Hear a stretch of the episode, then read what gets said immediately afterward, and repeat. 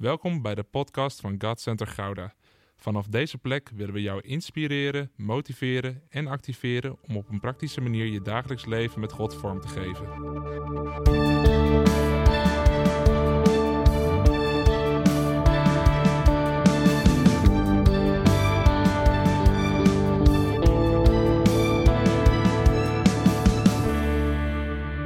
Vandaag gaan we het hebben over seks.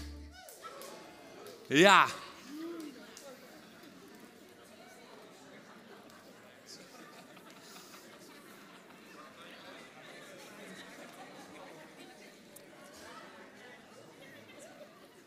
Dit gebeurt toch niet vaak? Is dit puur eh, enthousiasme of eh, ongemak of, eh, of een mengeling daarvan? Lekker over seks praten. Ja, want dat is zo nodig in de kerk.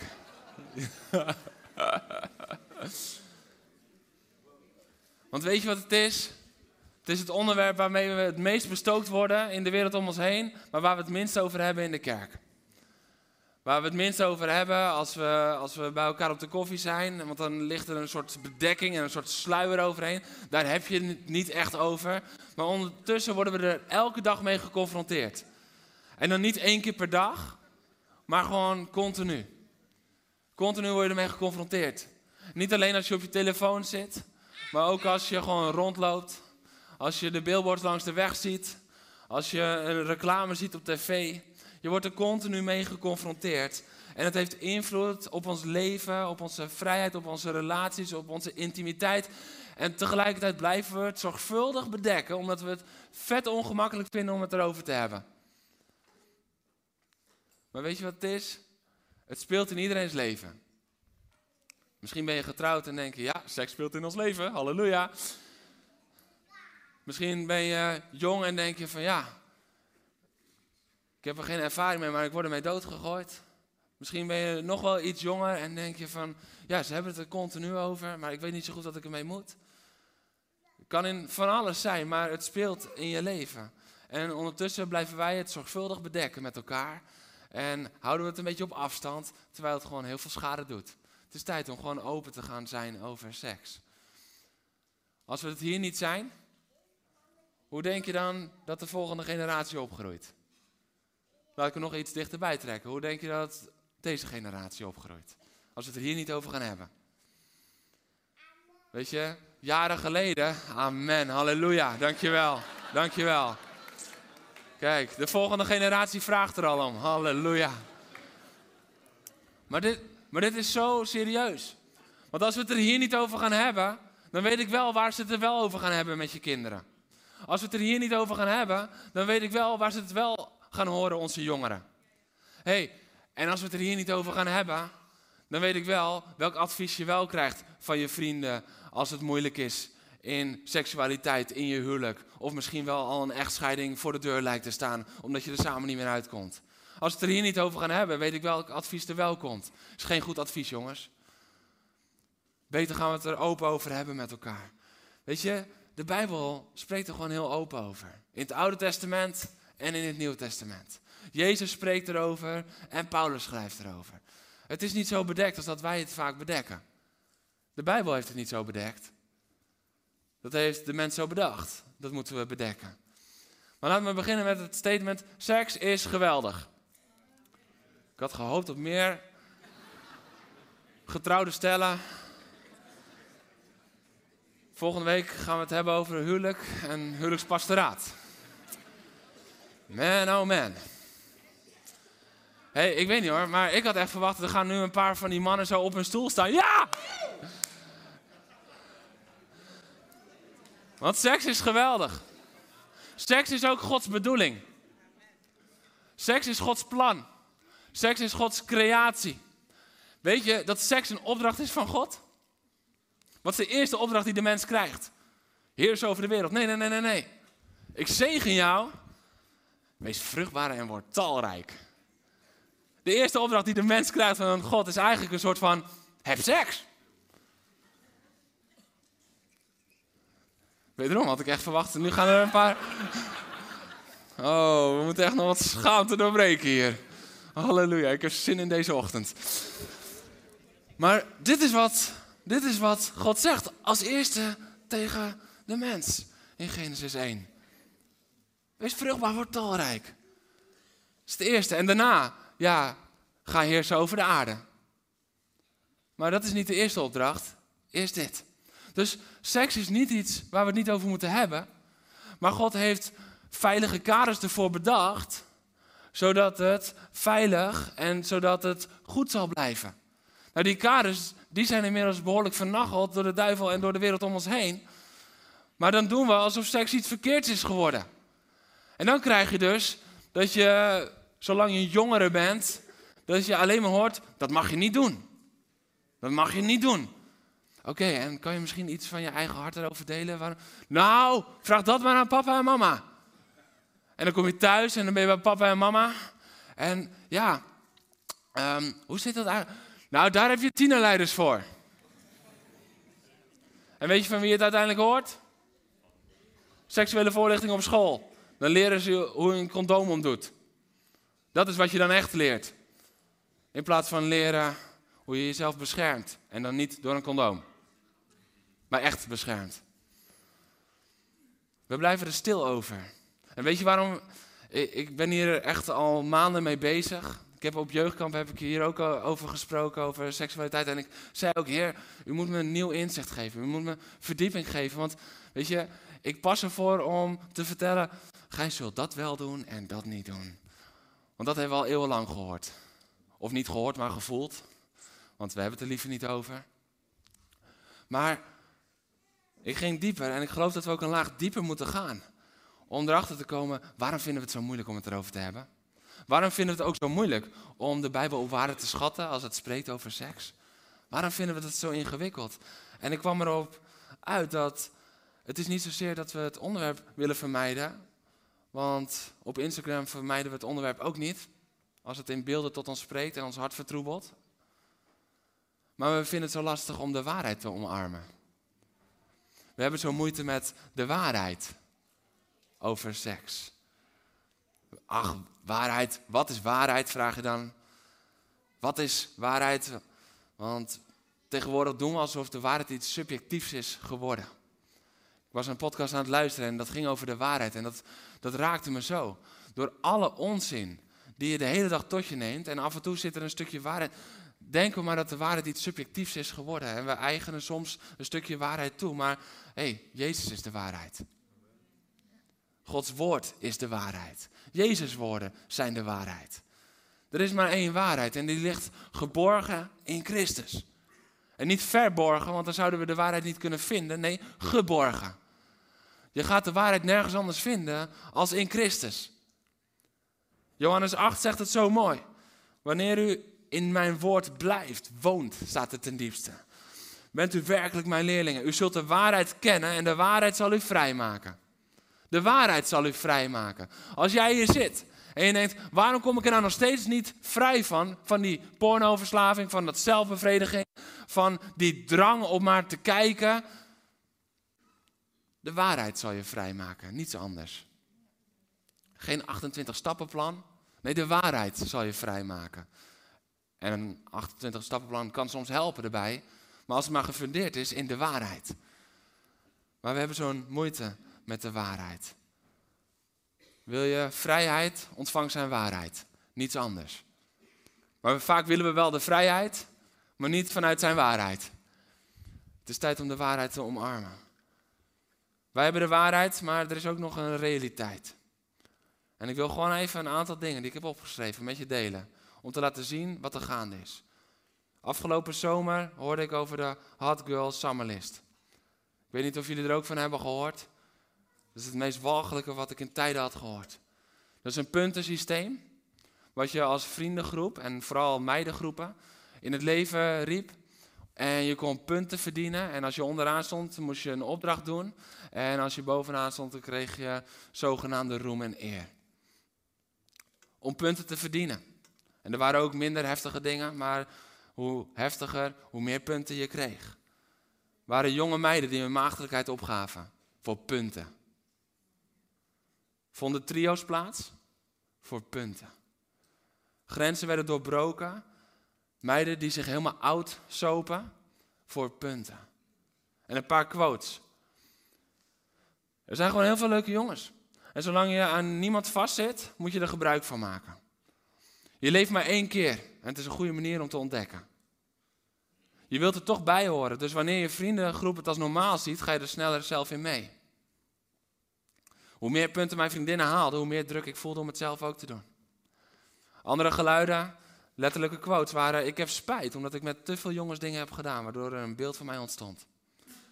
Ik heb spijt van de seks, want ik was nog een maagd. Ik heb spijt omdat ik met zes jongens uit dezelfde vriendengroep heb gezoend op één avond. En wat je integraal teruglas over dat stukje, is dat die meiden wilden uitbreken om in vrijheid te kunnen leven. Ze zeggen, ja, jongens die doen dit al tijden, maar als wij het doen, dan worden we slecht genoemd. Dus we breken eruit en we willen leven in vrijheid. En het is een schreeuw om vrijheid. Dat is wat ze denken, maar het is een schreeuw uit gebrokenheid. Dat is wat het is, dat is waarheid. Dit is de realiteit van tegenwoordig. Dit is de realiteit, dit is nog maar één van de voorbeelden die ik de afgelopen maanden tot me heb gekregen. Hoe pervers het is, hoe ziek de wereld is. En ondertussen denken wij, als wij nou maar op zondag lekker onze handen omhoog doen, dan gebeurt er niks met ons, met onze kinderen, met onze jongeren, met onze tieners. Nou, we moeten het erover gaan hebben. Als we het er niet over hebben, dan gaan hun vrienden het er wel met ze over hebben. We moeten praten over seks met elkaar, zodat God weer in ons leven mag gaan spreken over seks.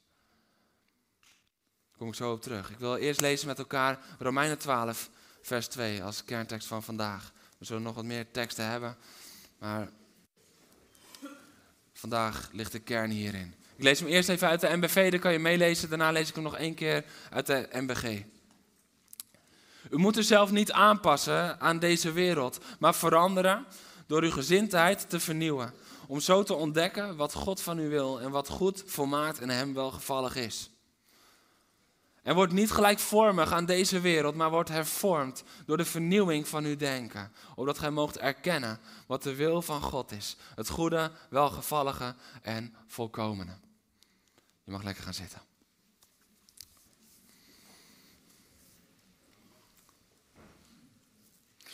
Wees niet gelijkvormig aan deze wereld.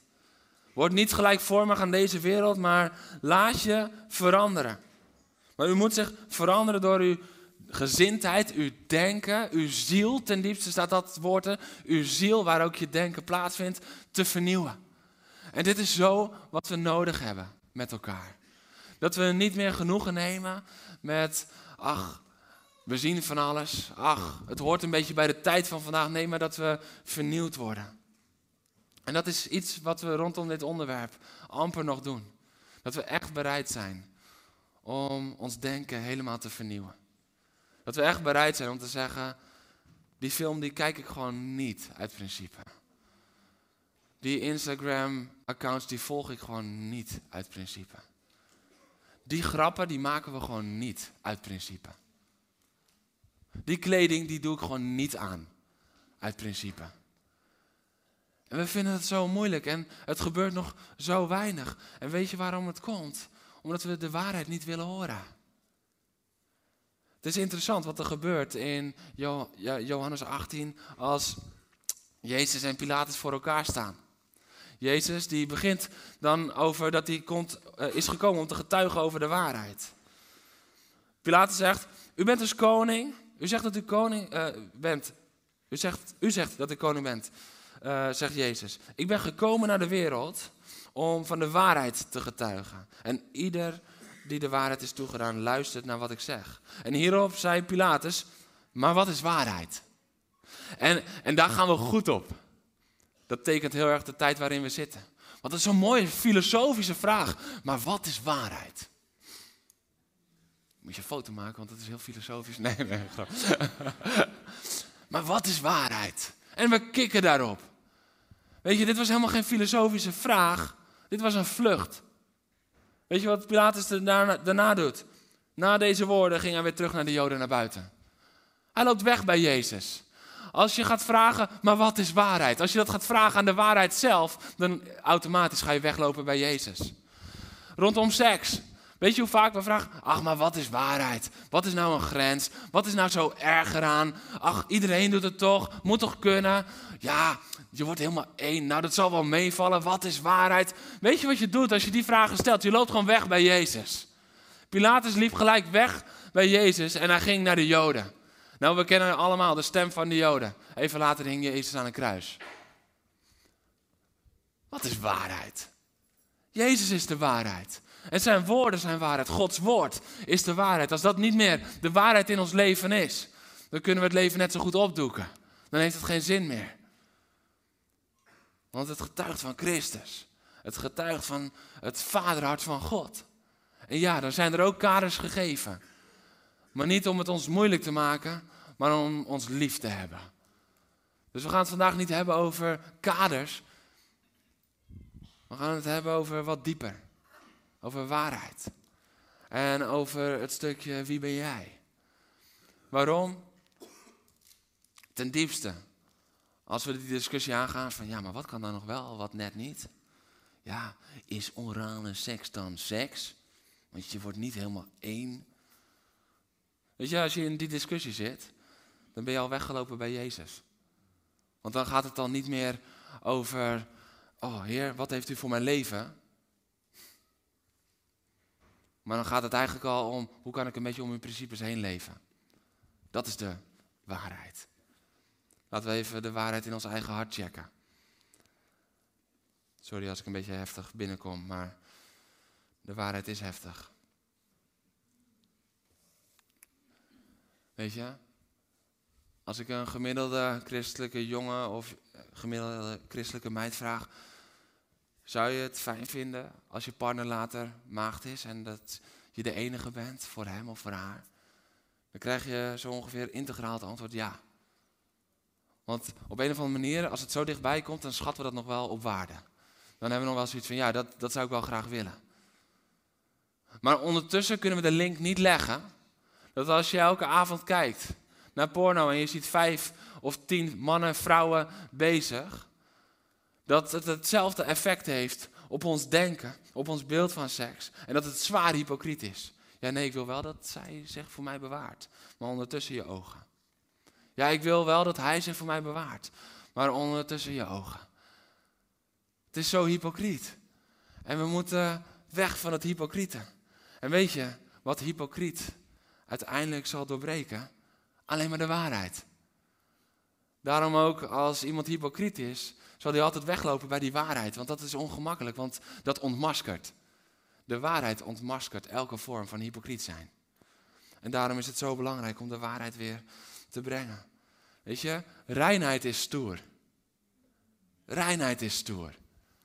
Al die domme lijsten en, en, en zo, zoveel bedpartners, dat is niet stoer. Dat is gebrokenheid. Reinheid is stoer. Durf je anders te zijn. Durf je andere grappen te maken. En durf je bij je vrienden te zeggen van, hé, hey, kan ik niet om lachen, man. Vind ik niet tof. Durf je anders te kleden. Durf je anders om te gaan met jongens, met meiden. Durf je heilig te leven in een tijd dat ransen gevierd wordt. Durf je heilig te leven. En ik zeg je eerlijk, ik zou willen dat ik deze dingen had gehoord en geleerd op mijn twaalfde. Dat gasten er gewoon open over waren. Het enige wat wij hoorden op de tienerclub was, ja, weet je, als je met je broek op je enkels in de slaapkamer staat, dan ben je te laat, kun je niet meer nadenken. Oké, supergoed man. Um, hoe voorkom ik dat ik met mijn broek op mijn enkels in de slaapkamer kom? Gast. Het enige wat ik thuis leerde was als het maar met respect is. Er zit geen waarheid in dat. Als het maar met een ring is. Dat zou een goede quote zijn. Ja. Dat brengt veiligheid. Dat brengt respect. Dat brengt liefde in plaats van lust. Dat is wat er nodig is. Weet je, we hebben het er niet over. En ondertussen hoor je volwasseneren, ouderen, steeds meer afgeven op de jeugd. Ja, ze zijn helemaal losgeslagen. Ja, eh, wat doen ze allemaal? Oh, in onze tijd deden we dat niet. Nee, toen deed het verborgen, nu is het gewoon open. Laten we gewoon even open en eerlijk zijn met elkaar. Dat is de realiteit. Maar we hebben het er niet over en we vinden het ongemakkelijk. En ondertussen zingen we Shout Jesus from the mountains, Jesus in the streets. Maar we durven de waarheid niet eens van de bergtoppen te schreeuwen en in de straten te roepen. Jezus is de waarheid. Hoe kunnen we zonder hypocriet zijn te blij, dat blijven zingen? Door echt te zeggen, oké, ik omarm die waarheid. Ook al vind ik het lastig, ook al is het misschien heel anders met wat ik altijd heb geleerd. En misschien zijn mijn ouders niet zo radicaal geweest in Christus dat ze dat gewoon open hebben gegooid. Misschien heb ik dat op school nooit geleerd. Misschien in mijn vorige gemeente niet. Maar hé, hey, dit is wat het woord zegt. En dat is niet om het ons moeilijk te maken, maar om ons niet gebroken te laten worden. Want je hoeft niet lang op zoek hoor, om getuigenissen te horen over de destructieve werking van seks buiten Gods kaders. Ik denk dat als er hier echt geen schaamte was, durf nog niet te zeggen dat het helemaal zo is. En ik zou nu vragen, wie heeft, je hoeft niet te getuigen, maar wie heeft er een getuigenis? Ik denk dat 90% van de handen in ieder geval omhoog gaat en misschien wel 100%.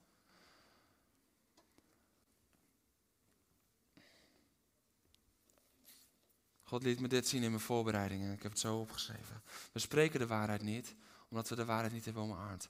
We spreken de waarheid niet, omdat de waarheid ons niet altijd helemaal aanstaat.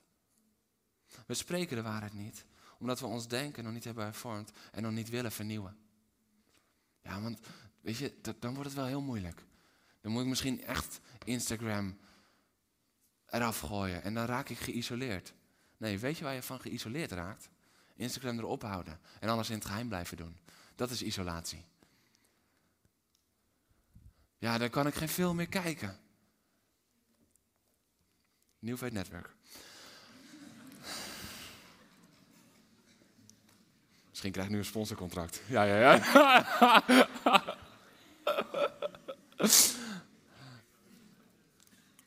maar het is ten diepste, omdat we nog steeds meer van seks geloven, van de gebrokenheid van de wereld en hoe de duivel het vies heeft gemaakt als seks in de schoonheid van God.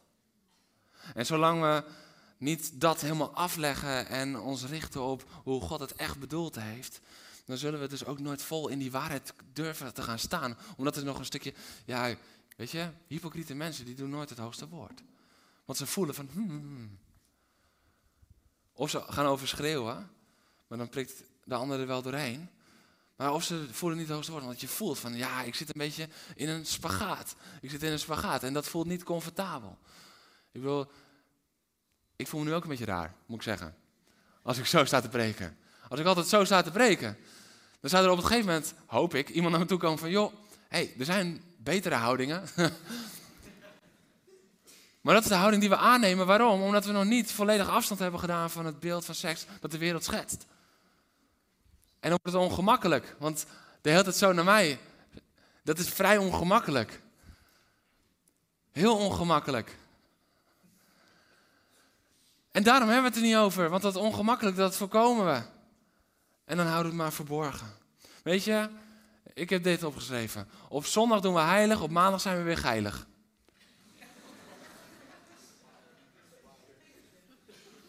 Ja, misschien niet. Ja, Maar laten we gewoon even eerlijk zijn met elkaar. Op zondag handen in de lucht. Handen schoon in aanbidding.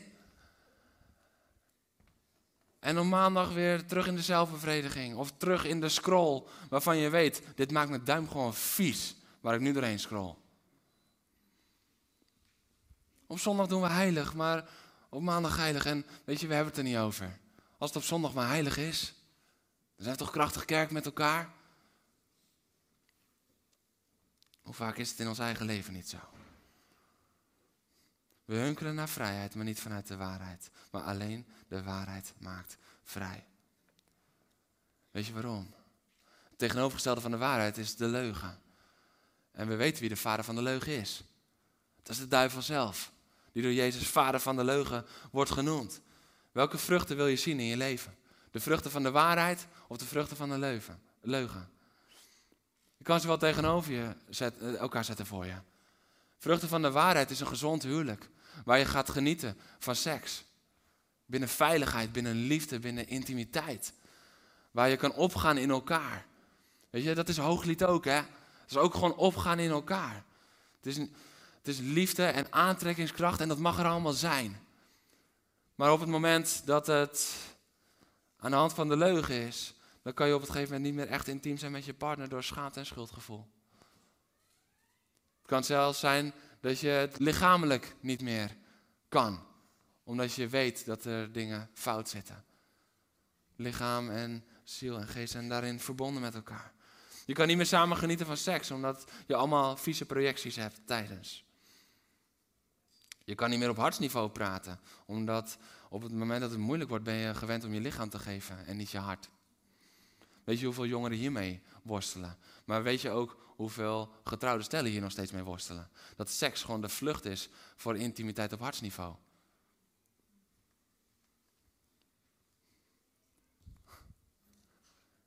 Als je niet goed kan praten, ik zou bijna zeggen, dan ben je nog niet klaar voor seks. Is niet helemaal één op één zo. Als je niet goed kan praten op hartsniveau, wat ga je dan je lichaam delen? Zelfs als je getrouwd bent, zorg dat je eerst weer op hartsniveau komt met elkaar. Want zelfs als je getrouwd bent, kan seks gewoon helemaal verkeerd zijn, hè? Als het alleen maar is voor jezelf. Ik kom even bij mijn vrouw halen wat ik nodig heb. Of ik geef mijn man even, omdat ik dan weer. Zelfs in een huwelijk, binnen die veilige kaders, kan het waar de leugen binnenkomt, kan het helemaal verpest worden. En daarom is deze boodschap ook gemeentebreed voor iedereen. Of je nu getrouwd bent of nog niet. Je hebt ermee te maken. Continu mee te maken. Welke vruchten willen we? We willen allemaal de vruchten van de waarheid. Maar we willen allemaal het denken van de leugen niet helemaal uitbannen. Nou, het is tijd om het wel uit te bannen. Het is wel tijd om dat helemaal achter ons te laten. En ons er gewoon regelrecht van te bekeren. Dat is wat bekering is. Je omdraaien van. En van de leugen weer terug naar de waarheid komen. Weet je wat ik heb ontdekt? Seksuele onreinheid brengt ook altijd andere problemen met zich mee. Het staat nooit op zichzelf. Kijk, kijk naar de vrouw van Potifar. Ze was helemaal bevangen door lust. En wat doet ze? Ze liegt, ze bedriegt en ze verraadt. Dus het begint bij lust. Ze laat haar oog vallen op Jozef. En ze denkt, zo, Jozef. Mwah. Jozef. Jozef. Hé, hey, Jozef. Zo gaat dat. Waar je ogen op laat vallen, dan ga je uiteindelijk naar handelen. Sluit een verbond met je ogen. Denk niet dat kijken wel kan zolang je nergens aan zit. Hou op. Overal waar je ziet dat het begint met kijken, komt het handelen erachteraan. Ze bedriegt, ze liegt, ze verraadt. Kijk naar David. Hij is gewoon rustig even aan het wandelen en hij kijkt. En hij ziet. En wat hij ziet bevalt hem. En wat hij ziet, laat hij naar zich toe halen. En wat hij ziet, pleegt hij overspel mee. En wat er dan gebeurt, is dat ze zwanger wordt. En het gevolg van overspel is niet alleen een smerig gevoel naar een verkeerd avontuurtje, maar is dat hij uiteindelijk ook, zijn eerste reactie is liegen en zijn tweede reactie is moorden.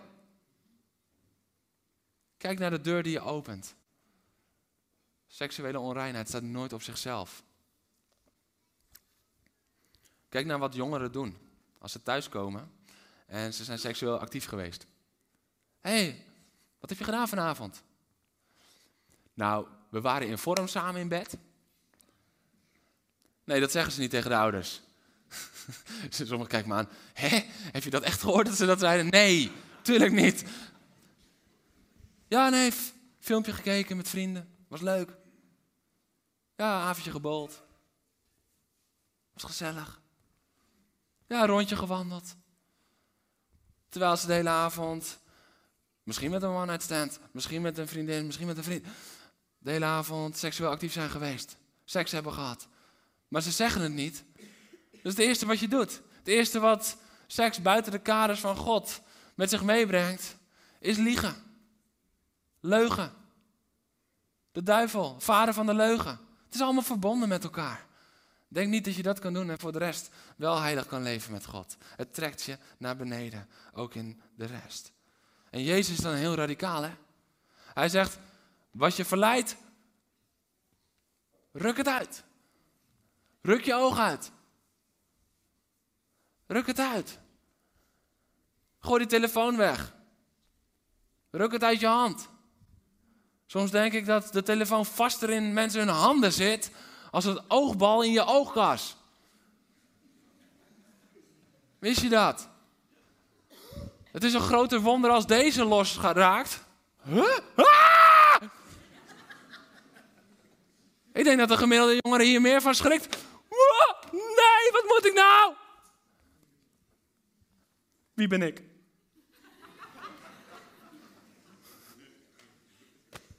Wat heeft het leven nog voor zin? Hoe kon me dit gebeuren? Ik denk dat de jongere daar meer op reageert als dat hij aan één oog blind wordt. Want met één oog kan je ook nog steeds kijken. Ruk het uit. Weg ermee. Als je echt in vrijheid wil leven en je bent nog niet sterk genoeg daarin, zoek de waarheid en ruk alles uit wat je ervan afhoudt. Je telefoon, je tv, misschien heb je een tv op je kamer, weg ermee. Misschien een laptop op een werkkamertje, weg ermee. Ga in de woonkamer zitten. Wees wijs. Maar dat gebeurt alleen als je denken echt vernieuwd is. Want die dingen die kan je wel bedenken. Iedereen kan bedenken, als ik alleen ben, is de verleiding groter als wanneer mijn ouders bij me aan tafel zitten. Dat kan iedereen bedenken, toch? Maar of je dat gaat doen, dat heeft alles te maken niet met het kunnen bedenken, maar met de vernieuwing van je denken. Wil ik dit? Wil ik dit echt? Ik heb mannen bij me gehad. Die zeiden, wil je voor me bidden dat ik vrijkom van de porno? ik zei, nou, potentieel ja. Maar ben je bereid? Ben je bereid om je telefoon in te wisselen voor een Nokia 3310? Zit er nog steeds een slang in overigens? Snake? De hele jonge gasten die kijken nu Snake. Uit welk prehistorisch tijdperk kom jij, Jeroen? Dankjewel, ik ben ook over de 30. Um, maar, maar je ontzegt jezelf de toegang. Als je daartoe bereid bent, dan wil ik voor je bidden. Ben je bereid om die tv weg te doen? Ben je bereid om te zeggen van oké, niet meer de werkkamer, maar de woonkamer? Ben je bereid? Dan wil ik graag voor je bidden. Als je niet bereid bent, waar gaan we voor bidden? Oh Heer, maak hem vrij. Maak hem vrij. Op zondag heilig. En op maandag of dinsdag of woensdag is het weer heilig. Daar passen we voor. En daarmee zeg ik niet dat je gebed moet verdienen. Maar je moet niet bidden wat je niet wilt. Voel je hem? Denk niet, oh, wat zijn ze hier streng. Je moet hier gebed verdienen. Nee, daar gaat het niet om. Maar we gaan niet bidden wat jij ten diepste niet wilt. Want als je niet vrij wilt worden, ben je niet bereid om uit te rukken, los te trekken en vanaf te komen. Ruk uit je leven wat je nodig hebt om heilig te leven. Weet je, het is belangrijk om even te benoemen, wat gebeurt er bij seks? Nou, tegenwoordig denken we heel vaak dat het een soort ruilmiddel is. Oké, ik geef een stukje seks en dan krijg ik erkenning. Of we doen het voor verdoving of voor een beetje liefde. Of voor genot, of voor bevestiging, of voor troost. Het zijn allemaal redenen dat mensen tegenwoordig seks hebben. Ze zelf geven. Maar al die dingen bedekken dat we in onze identiteit beschadigd zijn, waardoor we het zoeken in iets anders. Dit is wat er echt gebeurt. 1 Korinthe 6 en Genesis 2 spreekt erover. Je wordt één. Je wordt helemaal één. En dan niet, je wordt één uh, even op dat moment, omdat je in elkaar komt en daarna is het weer klaar. Nee, je wordt één. Op geest, ziel en lichaamsvlak word je één. Weet je dat dit de reden is dat je nog steeds niet over je ex bent? Hoe kan het nou? We zijn al maanden over elkaar heen, uh, uit elkaar en nog steeds niet over elkaar heen. Ik snap het niet. Het is nu al twee jaar geleden, maar nog steeds, iedere keer denk ik aan haar. Nog steeds, iedere keer denk ik aan hem. Je hebt seks gehad. En zolang je daar niet voor kiest om te bidden, om dat te verbreken, want Jezus die zegt je vandaag niet alleen hoe hij verlangt voor jou, maar hij wil ook herstel brengen voor jou. Dus wees niet bang, daar komen ze direct ook uitgebreid op. Maar zolang je daar niet bewust van bent, dan zal, ook al is het vijf of tien jaar geleden en diegene komt opeens weer de ruimte binnengelopen, dan voel je je hart. Oh nee, paniek. Of gelijk weer aantrekkingskracht. Hoe kan het nou? Ik ben inmiddels gelukkig getrouwd, al zeven jaar. Hoe kan ik nou opeens dit weer voelen? Je denkt of je droomt nog steeds over die persoon. Want je bent één geworden. Is niet zomaar weer uit elkaar. Of je hebt misschien wel in je huidige seksleven, je bent inmiddels getrouwd en in je seksleven heb je nog steeds last van seksuele relaties vroeger.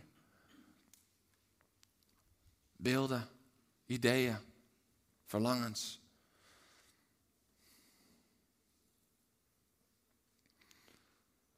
Kijk, 1 Korinthe 6 en Genesis 2 zegt dat je één wordt.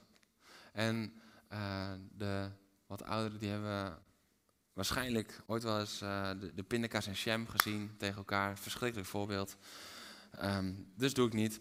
Uh, misschien heb je wel een blauw papiertje en een, een roze papiertje aan elkaar geplakt zien worden en dan weer uit elkaar. Kijk eens, het scheurt, het gaat stuk.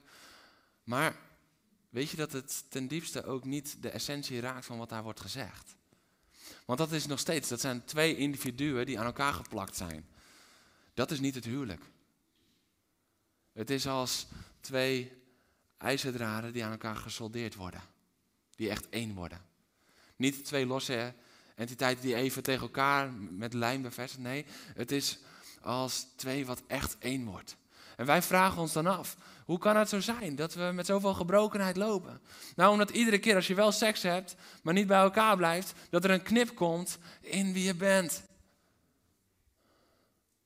En dat doet pijn. Dat brengt schade. Stuk van jou bij hem, stuk van hem bij jou, stuk van haar bij jou, stuk van jou bij haar. Dat is wat er gebeurt. Want je bent echt één geworden. Niet even aan elkaar geplakt. Nee, je bent echt één geworden. Dat is de kracht van seks, maar dus ook gelijk het moeilijke en het kwetsbare van seks. En als het dan breekt, dan gaat er iets stuk. En dat is wat we zien. Er gaat iets stuk bij seks buiten het huwelijk. Maar ik weet zeker dat wij gaan trouwen. We zijn al verloofd. Zelfs dan gaat er iets stuk, want het is niet binnen het veilige verbond dat God heeft gegeven. Ik kom zo direct nog met een voorbeeld daarvoor. Weet je, de duivel die wil alles stuk maken. Daarom komt hij met zijn leugens. Om ons heen gaan jongeren stuk. Om ons heen gaan meiden stuk. Relaties gaan stuk. Huwelijken gaan stuk. Vertrouwen gaat stuk. Liefde gaat stuk. En ondertussen kijken we ernaar en we hebben het er niet over. Vandaag is zo belangrijk. Maar niet van, oké, nou, phew, we hebben er één keer in de twee jaar preek over seks weer gehad. Ik kan weer uh, 100 zondagen gerust naar de kerk. Deze kunnen we afvinken. Het is 2023, begin 2025 zal het wel weer komen. Dan ben ik ziek. Nee, om een standaard te zetten, hier moeten we het over hebben met elkaar. Hier moeten we open over zijn met elkaar. Een ander facet is, seks is voor samen. Seks is voor samen. Ja, maar Jeroen, je leest theologisch gezien nergens dat zelfbevrediging echt een zonde is. Nee. Maar als we die discussie gaan hebben, dan gaan we het eerst even over Romeinen 12, vers 2 hebben. Want dan ben je niet bezig met wat is Gods wil voor mijn leven. Maar dan is het, wat is mijn wil voor mijn leven met een vleugje God, als het me uitkomt. Als we die discussies moeten voeren, kunnen we beter stoppen met praten. En ons bekeren van de leugens. Want overal waar er over seks gesproken wordt, in het woord, zoals God het bedoeld heeft, is het wel voor met z'n tweeën, jongens. Overal. Er staat nergens, en als je een dorre periode in je huwelijk hebt, doe het zelf even. Als het heel erg lang duurt voordat je de ware tegenkomt, nou, succes. Dat staat er niet. Het staat nergens. Seks is continu gericht op samen. En als je het alleen gaat doen, zelfbevrediging, dan wordt je beeld van seks volledig verpest door de porno. Volledig verpest en kapot gemaakt door de ik-gerichtheid. Ja, maar weet je, ik heb hele heilige en reine gedachten als ik het doe. Want ik doe het echt met de Heer. Wat? Durf je dat? Dat is wat ik dan denk. Durf je hem uit te nodigen?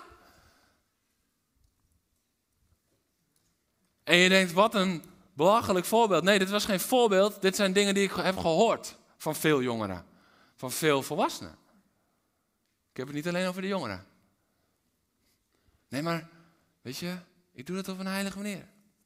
Nee, het is ik gericht. En seks dat ik gericht is, is nooit heilig.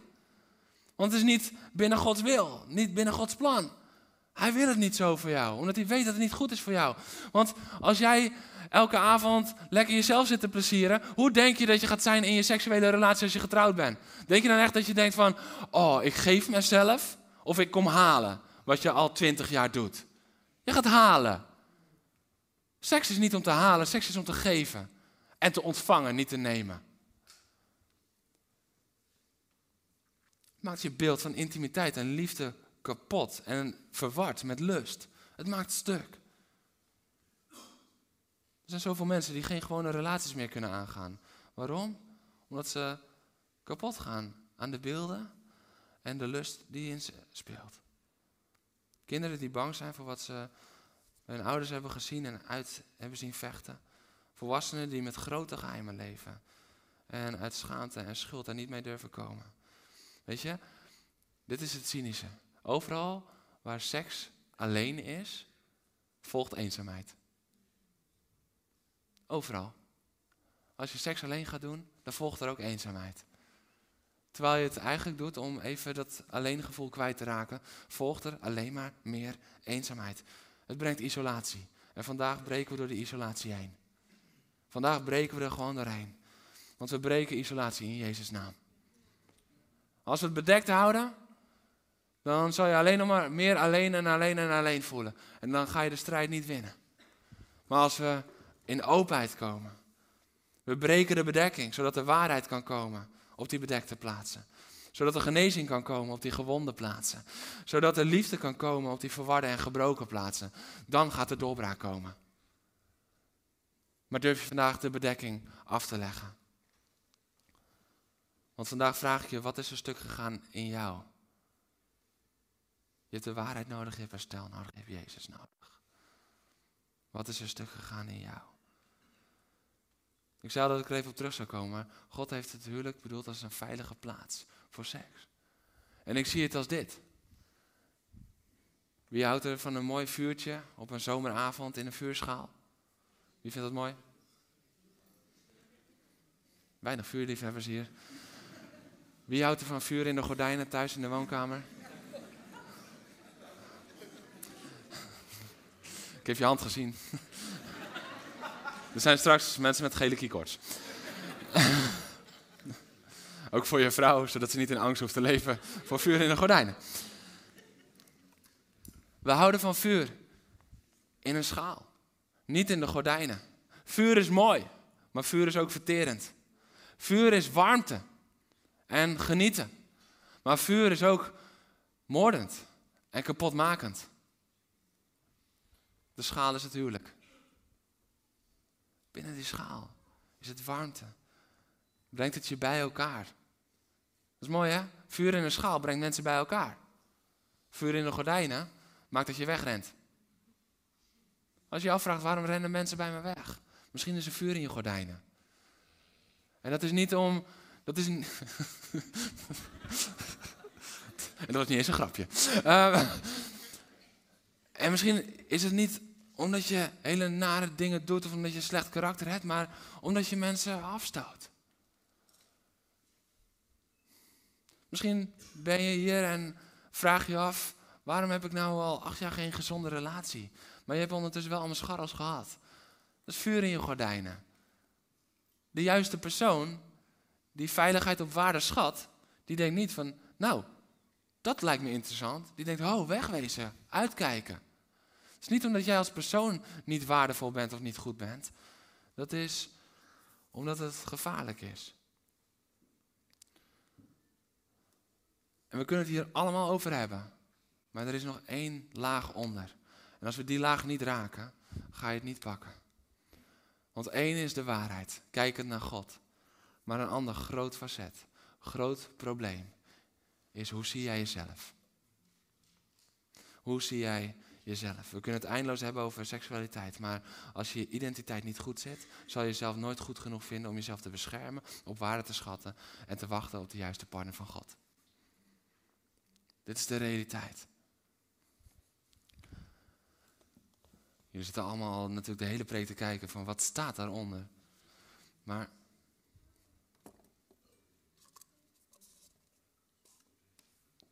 wie ben jij?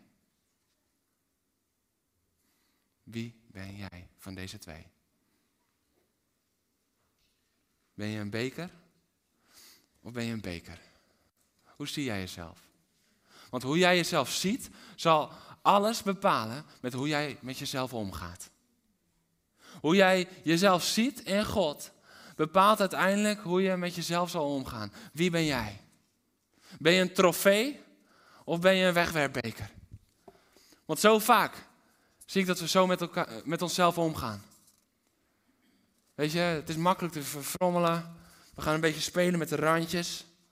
Dat is wat we doen. En ach, weet je, als je hem een keertje. Als je hem leeg hebt, doe je hem niet in de prullenbak, maar dan laat je hem gewoon ergens staan. Moeten we niet doen met elkaar. Dat is gewoon even een dingetje tussendoor. Maar weet je, je, je, zet hem rustig op de grond. Mensen stappen er ook rustig op. Oh, ah, vervelend. Want hier hebben we niet zoveel ontzag voor. Hier denken we niet van, oké, hier moeten we voorzichtig mee omgaan. En zo vaak komen we gekreukeld en platgestampt en gebruikt. Weet je, dit is ook zo'n ding dat je op een staattafel, je hebt hem leeg gedronken en iemand denkt, ah, de bekertjes zijn op. Ach, nou, geen lippenstift op de rand. Weet je wat? En de volgende loopt eruit te drinken. Zien we de gelijkenis al met hoe we met onszelf omgaan en hoe gevaarlijk het is? Hoe je jezelf ziet bepaalt hoe je met jezelf omgaat. Als je jezelf ziet als deze. Hier doen we voorzichtig mee. Hier doen we voorzichtig mee. Weet je, deze zetten we op tafel waar iedereen bij kan. Deze zetten we in een vitrine achter glas. Als je in een, museum loopt van een voetbalclub, dan zie je nooit dat je die bekers kan aanraken. Nee, het staat veilig achter glas. De koffiebekertjes kan je gewoon bij, anders wordt lastig drinken. Maar dit zit je achter glas en, en dit schat je op waarde. Want kijk, ik ben een trofee. Ik mag er zijn, ik ben het waard. En als je jezelf zo ziet, dan ga je ook anders met jezelf om. Want dan zeg je niet van, ach, iedereen kan een beetje van mij hebben. Ach, kom maar, vertrap me maar. Nee, hier gaan we voorzichtig mee om. Hier zetten we hem op een plek waar niet iedereen bij kan. We zouden onszelf op een plek moeten zetten waar niet iedereen bij kan. Maar dat doe je alleen als je vindt dat je het waard bent. Want als je het jezelf niet waard vindt, ga je ook niet zo met jezelf om. Daarom, jouw seksualiteit en hoe jij bent in je seksualiteit, wat jij doet in je seksualiteit, ligt allemaal geborgen in je identiteit. Het geheim is dat je wel een trofee bent. Maar we gaan zo vaak met onszelf om alsof we geen trofee zijn. Dus die trofee die loopt schade op. Je bent wel een trofee, maar we gaan met onszelf om als een bekertje. Wat makkelijk overal en kan weggegooid worden. En ach, iedereen kan er even een slokje uit nemen. Maakt er niet uit. Het ziet er niet vies uit. Nou dan. Maar we gaan niet meer met onszelf om. Op waarde geschat. Hoe jij jezelf ziet, bepaalt hoe je met jezelf omgaat. Hoe jij jezelf ziet, bepaalt wat je wel doet en wat je niet doet. Hoe jij jezelf ziet, bepaalt ook of je die waarheid voor jezelf kan gaan omarmen of niet. Soms heeft het te maken met God, dat we een issue hebben met ons godsbeeld. Maar heel vaak heeft het ook gewoon te maken, heel simpel, met ons zelfbeeld. Ja, ik weet het wel. Ik weet wel dat seks niet de bedoeling is. En ik weet dat het me pijn kost op de lange termijn. En ik weet het allemaal wel. Maar ach, wie ben ik? En ik wil toch ook een beetje liefde ervaren. Ja, je denkt liefde te ervaren. Maar je wordt gewoon gebruikt. Weet je wat ik mooi vind? De trofee. Als je even kijkt naar een uh, voetbalfinale, Champions League finale of uh, welke andere sport dan ook. Dan staat die trofee, staat er op het gegeven moment voor de wedstrijd. En die spelers lopen er allemaal langs, maar niemand raakt hem aan. Niemand raakt de trofee aan. Zij doen het vaak vanuit bijgeloof, dat dat ongeluk zou brengen. Nou ja, dat bijgeloof, daar ben ik niet zo aan gehecht. Maar ze raken niet aan. Maar er is ook ontzag voor die beker. Wauw. En hiervoor trek ik ten strijde. Waarvoor trek jij ten strijde? Waarvoor trek jij ten strijde? Voor een trofee. Weet je, het is tijd dat je nu al de strijd strijdt om de trofee later te kunnen ontvangen. De trofee wordt je ook gegeven. Die neem je niet zelf. Je ontvangt de trofee. Misschien ben je hier en ben je nog helemaal niet samen met iemand, ben je alleen en denk je van ja, weet je, uh, oké, dat porno gedeelte, dat vind ik af en toe even lastig, maar al dat gedoe met, uh, als je met mensen bent en alles. Hey, hoe je nu bezig bent, dat bepaalt aan het einde de trofee die je kan ontvangen of niet. Na het laatste fluitsignaal, als de wedstrijd is gewonnen, helemaal aan het einde, wordt de trofee uh, uitgereikt. Weet je wat het laatste fluitsignaal is voor ons?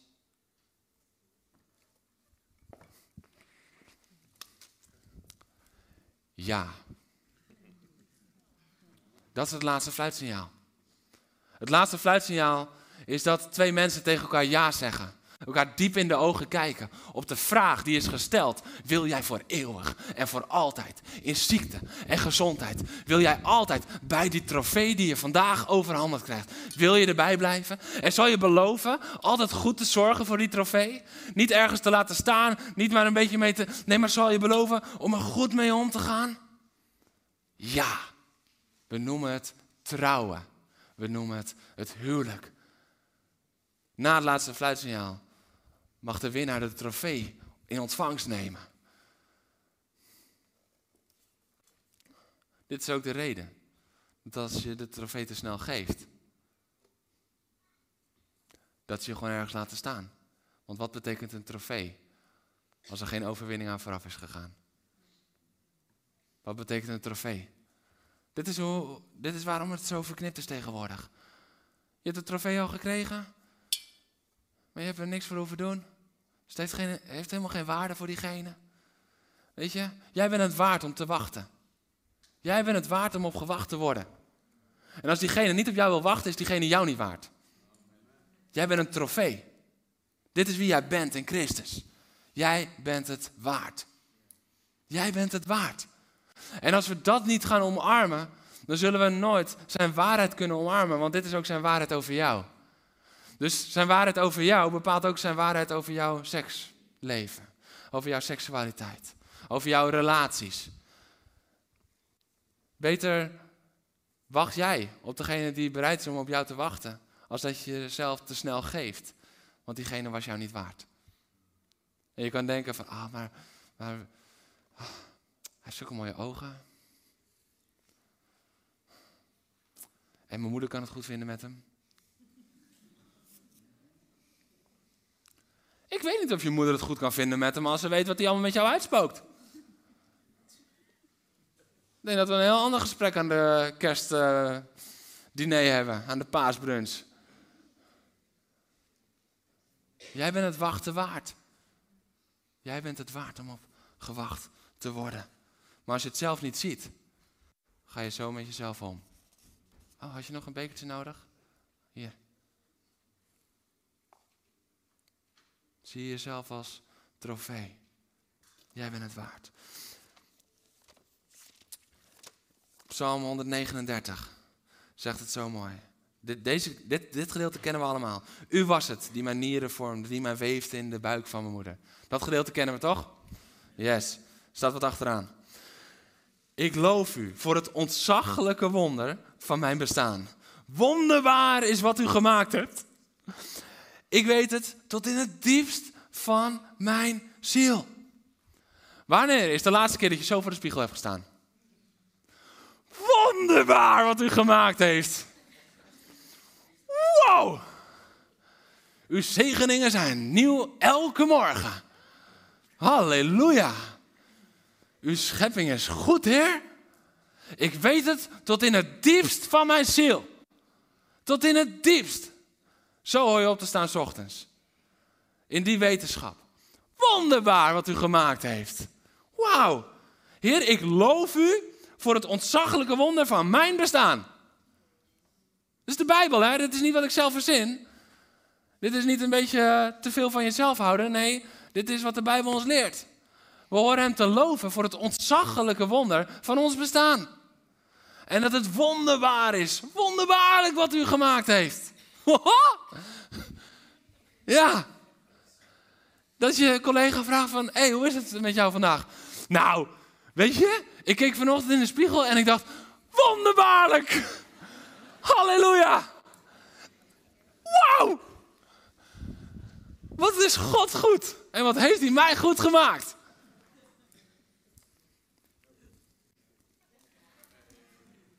Ik ben een trofee. Ik ben een trofee en ik ben het waard om gewacht op te worden. Ik ben het waard om met respect behandeld te worden. Ik ben het waard. Ik ben het waard. Ik ben het waard. Het is niet een mooi voorbeeld van je moet jezelf zo zien. Nee, het is een Bijbelse opdracht om jezelf zo te leren zien. Want je bent het al, maar hoe zie je jezelf? De meeste van ons die staan voor de spiegel. Wonderbaarlijk dat mijn man nog bij me is.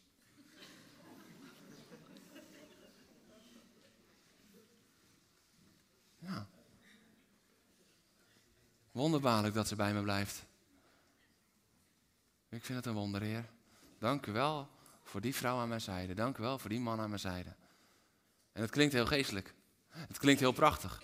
En je moet ook blijven danken voor de juiste man en de juiste vrouw. Begrijp me niet verkeerd. Maar je schat jezelf niet op waarde als je zo denkt. Sterker nog, je treedt uit relatie. Want je zet jezelf lager als die ander. Huwelijk is gelijkwaardig. Man en vrouw zijn gelijkwaardig. Uit de rib, uit de zijkant van Adam werd Eva gemaakt. Waarom? Zij aan zij. Gelijkwaardig. Zo belangrijk om te zien. Je bent een trofee. Dus kleed je niet suggestief. Sommige meiden, heel veel meiden, denken dat ze een trofee worden door minder aan te doen.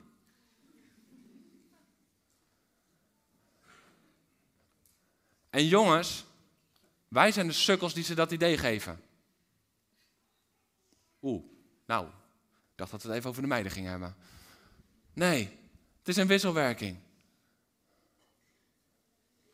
Maar dit is de realiteit. Meiden denken dat ze meer trofee worden als ze minder aandoen en meer seks uitstralen. En jongens reageren erop, dus die bevestigen ze erin. Terwijl ze zouden moeten zeggen: Hé, hey, lieve meid, lieve meid, dit is niet goed, joh.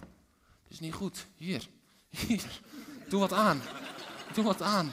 Dit is, ach, lieverd. Weet je dan niet, weet je dan niet hoe mooi je bent? Maar, maar, hé, hey, niet de hele wereld. Zie jezelf als een trofee. Zie jezelf als een trofee. Je bent een trofee, schatje. Ja. Nou, dan nog zoiets. Ga zo met je vrouw om. Als een trofee. Dat betekent dat je niet kijkt naar andere vrouwen. Ja, maar ik doe toch niks? Nee, maar je kijkt. Ruk je ogen uit. Je kijkt. Neem niet genoegen met een halve waarheid. Weet je wat de halve waarheid is? Dat is hoe Jezus begint. Er is je gezegd, je zal geen overspel plegen. Dat, is, dat is waar. Maar dat is niet genoeg. Want jij zegt, maar ik zeg u. Op dit vlak zijn we opeens vaak heel wettisch en oud-testamentisch. Ja, want het is makkelijker. Ja, maar ik zit nergens aan, dus ik pleeg geen overspel. Ik ben heel erg heilig. Terwijl Jezus zegt, ho, ho, ho, ho, ik heb je wat anders gezegd. Als we teruggaan naar de wet, die geen potentie had tot redding, blijf je ook niet bij de wet hangen. Dan ben je dankbaar voor Jezus. Maar als het gaat over seks, dan krabbelen we terug bij Jezus en dan denken we, nou, weet je wat, ik kijk, maar ik zit nergens aan, dus wel prima zo. Wat? Hypocriet. Is dat? Het is tijd om de waarheid weer hoog in het vaandel te zetten. Eerlijk te zijn met elkaar. Weet je, ik zag van de week ook weer. Maar ik, ik zie regelmatig. Zie ik foto's voorbij komen. En dan is het niet alleen van anderen. Want jullie denken nu van, oh, maar welke, welke Instagram volg jij dan? Van onze kerkleden. Van andere kerkleden. Niet alleen onze gemeente. Mensen die aan de ene kant, zeg maar op zondag, iets kunnen posten van prachtig in aanbidding. En volgende moment iets posten dat je denkt van, nou, daar had een uh, boerka niet meer staan. Omdat het gewoon veel te bloot is. Je schat jezelf niet op waarde.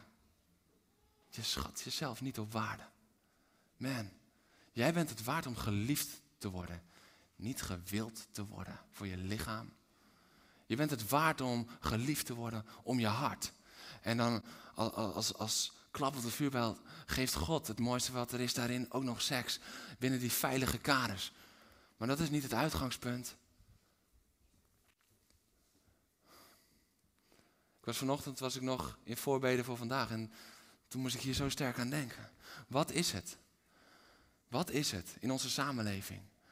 Dat we meer ons best doen om er leuk uit te zien. Voor de buitenwereld als voor onze eigen partner.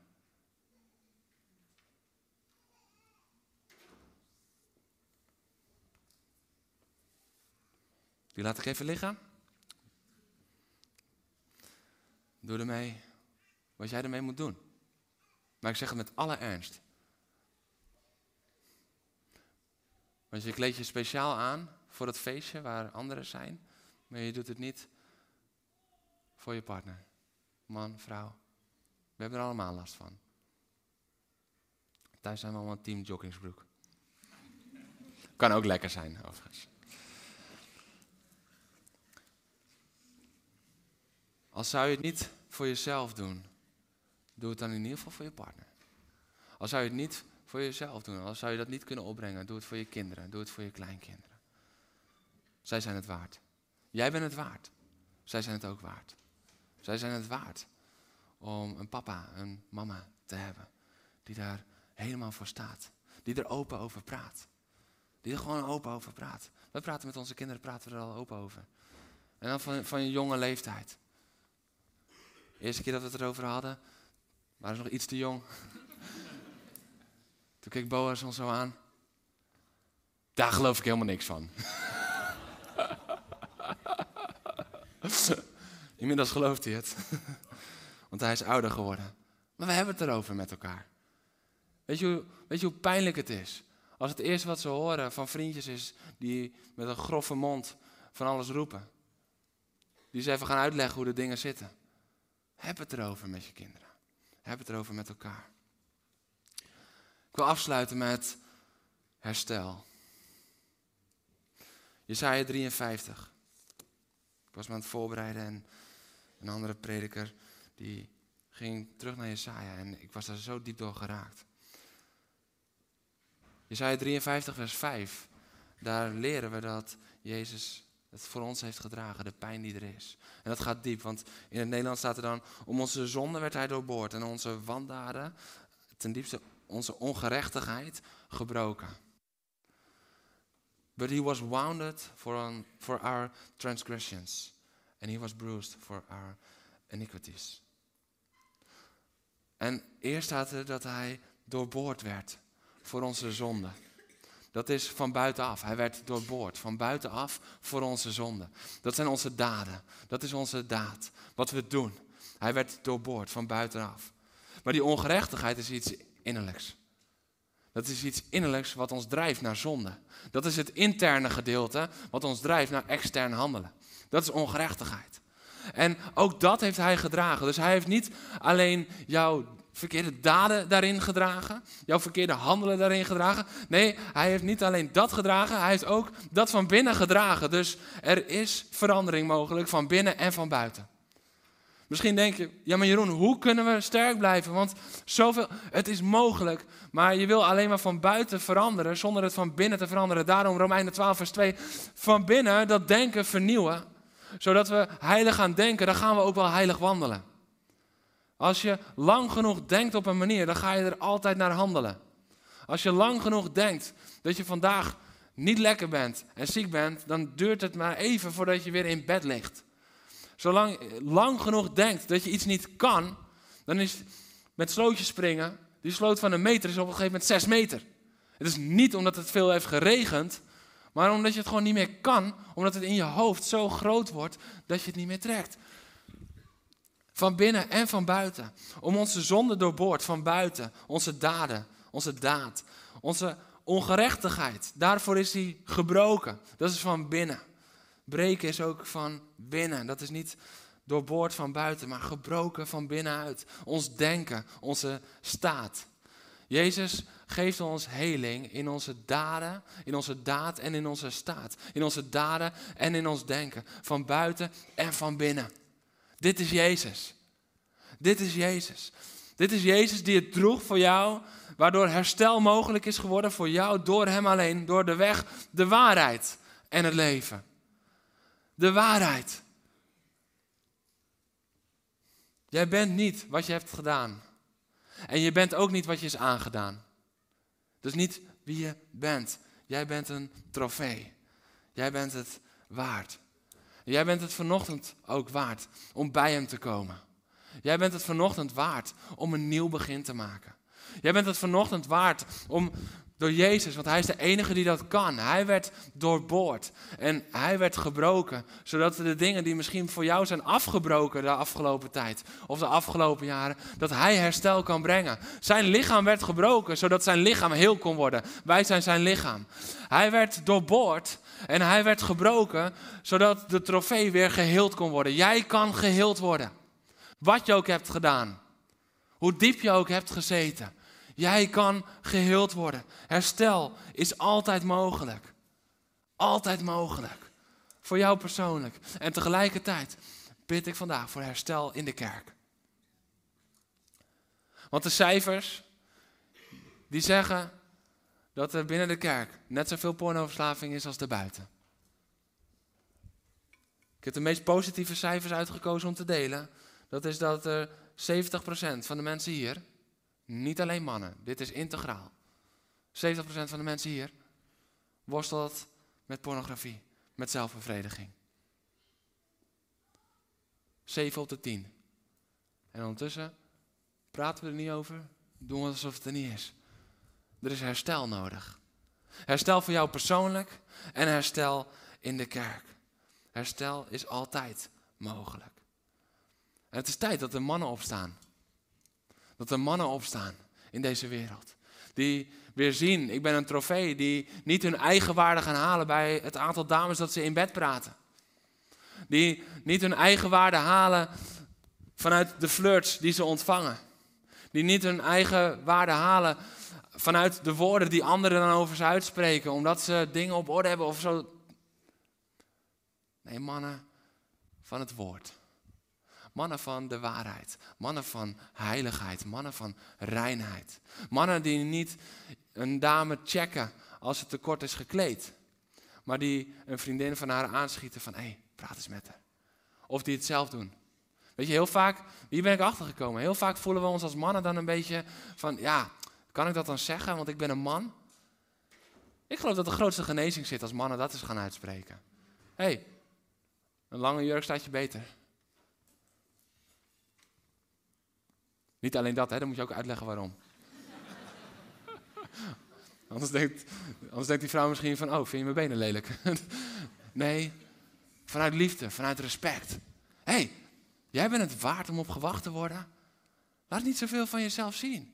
Je hoort netjes achter glas, veilig. Je bent een trofee, meid. Je bent een trofee. En we hebben vrouwen nodig. Die daarin opstaan tegen de gezindheid van de wereld. Die ons denken laten vernieuwen. Vrouwen van eer. Vrouwen van reinheid. Vrouwen van God. Die zeggen, maar ik in mijn huis. Ik in mijn huis. Wij zullen de Heer dienen. Ik in mijn huis. En ik ben een trofee. En ik zal mijn kinderen zal ik laten zien dat ze een trofee zijn. Mannen, vertel je dochter dat ze een trofee is. Weet je hoeveel jonge meiden zoekend zijn en zichzelf gewoon continu laten vertrappen en vertrappen, vertrappen, omdat papa nooit heeft gezegd dat ze een trofee zijn? Omdat papa niet kon zeggen, je bent zo mooi. Omdat papa niet kon zeggen, ik hou van je. Je bent het zo waard. Oh, dochter, dochter, ik ben zo gek op jou. En God heeft je zo prachtig gemaakt. En ik ga je beschermen.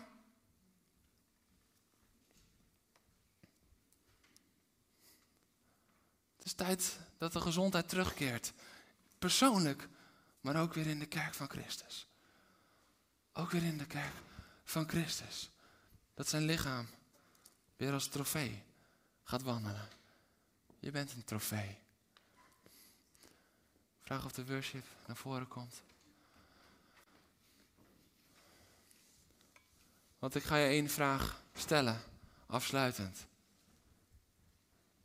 Ben je bereid om je seksualiteit, je seks, je relaties weer over te geven aan Hem? Ben je bereid? Wat het jou kost, menselijk gezien misschien. Ben je bereid om te zeggen: Oké, dat zelfgecreëerde grijze gebied waar ik de hele dag dacht dat ik wel oké mee was, ik breek er nu echt mee. Want het is gewoon zwart. Het is gewoon zwart. Maar ik denk dat het grijs is omdat ik in andere plekken van mijn leven nog zoveel licht zie. Maar het is gewoon zwart. Ik keer me er vanaf.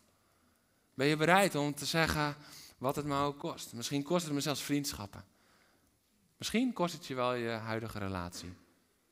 Als je niet getrouwd bent, hè, jongens? Nee, je moet dingen goed toevoegen. En anders ga je vechten voor je huwelijk. Man, ga vechten voor je huwelijk. Oh, Heer, dit had een hele serie moeten zijn. Ga vechten voor je huwelijk. Jij bent het waard om te vechten voor je huwelijk. Maar die ander is het ook waard, hè? Dit is bij de meeste huwelijksproblemen zo. Dat je jezelf inmiddels wel als trofee ziet, maar dat je die ander zo ziet. Heel ander onderwerp, maar ik voel dat ik het moet zeggen. Ga vechten voor je huwelijk. Want je hebt te maken met twee trofees. Het kan je je relatie kosten. Het kan je je flow kosten, waar je nu in zit. Maar die flow, die floot zo je bed in en niet je hart in. En Jezus is hier. En Jezus zegt, mag ik die trofee weer gaaf maken? Mag ik de krassen herstellen? Mag ik de deuken weer uitdeuken? Kom je bij de waarheid vandaag? Ik ben de waarheid voor jouw leven. De waarheid is dat jij het zo waard bent. De waarheid is dat je zo geliefd bent. En dat iedereen die vanuit lust naar jou kijkt, dat hij niets heeft toe te voegen aan je leven, maar de mensen die je lief hebben wel. En bovenal, kind, ik heb jou lief. Je bent het waard. Je bent het waard om op gewacht te worden. Waar de wereld zegt, oh je bent twintig en je hebt nog nooit. Je bent twintig en je hebt nog nooit. Wauw! Die voorbeelden zoeken we. Die voorbeelden willen we. En ik doe niets af aan de getuigenissen van hoe God mensen uit de pijn heeft getrokken. Maar hé, hey, zo verlangen dat we over 10 of 20 jaar alleen maar getuigenissen horen van gasten die zeggen: hey, het is me niet overkomen. Ik heb gewacht. Ik heb gewacht op de ware. Maar jij bent het waard. Wil je vandaag vragen om je seksualiteit aan de waarheid te geven? aan Jezus te geven.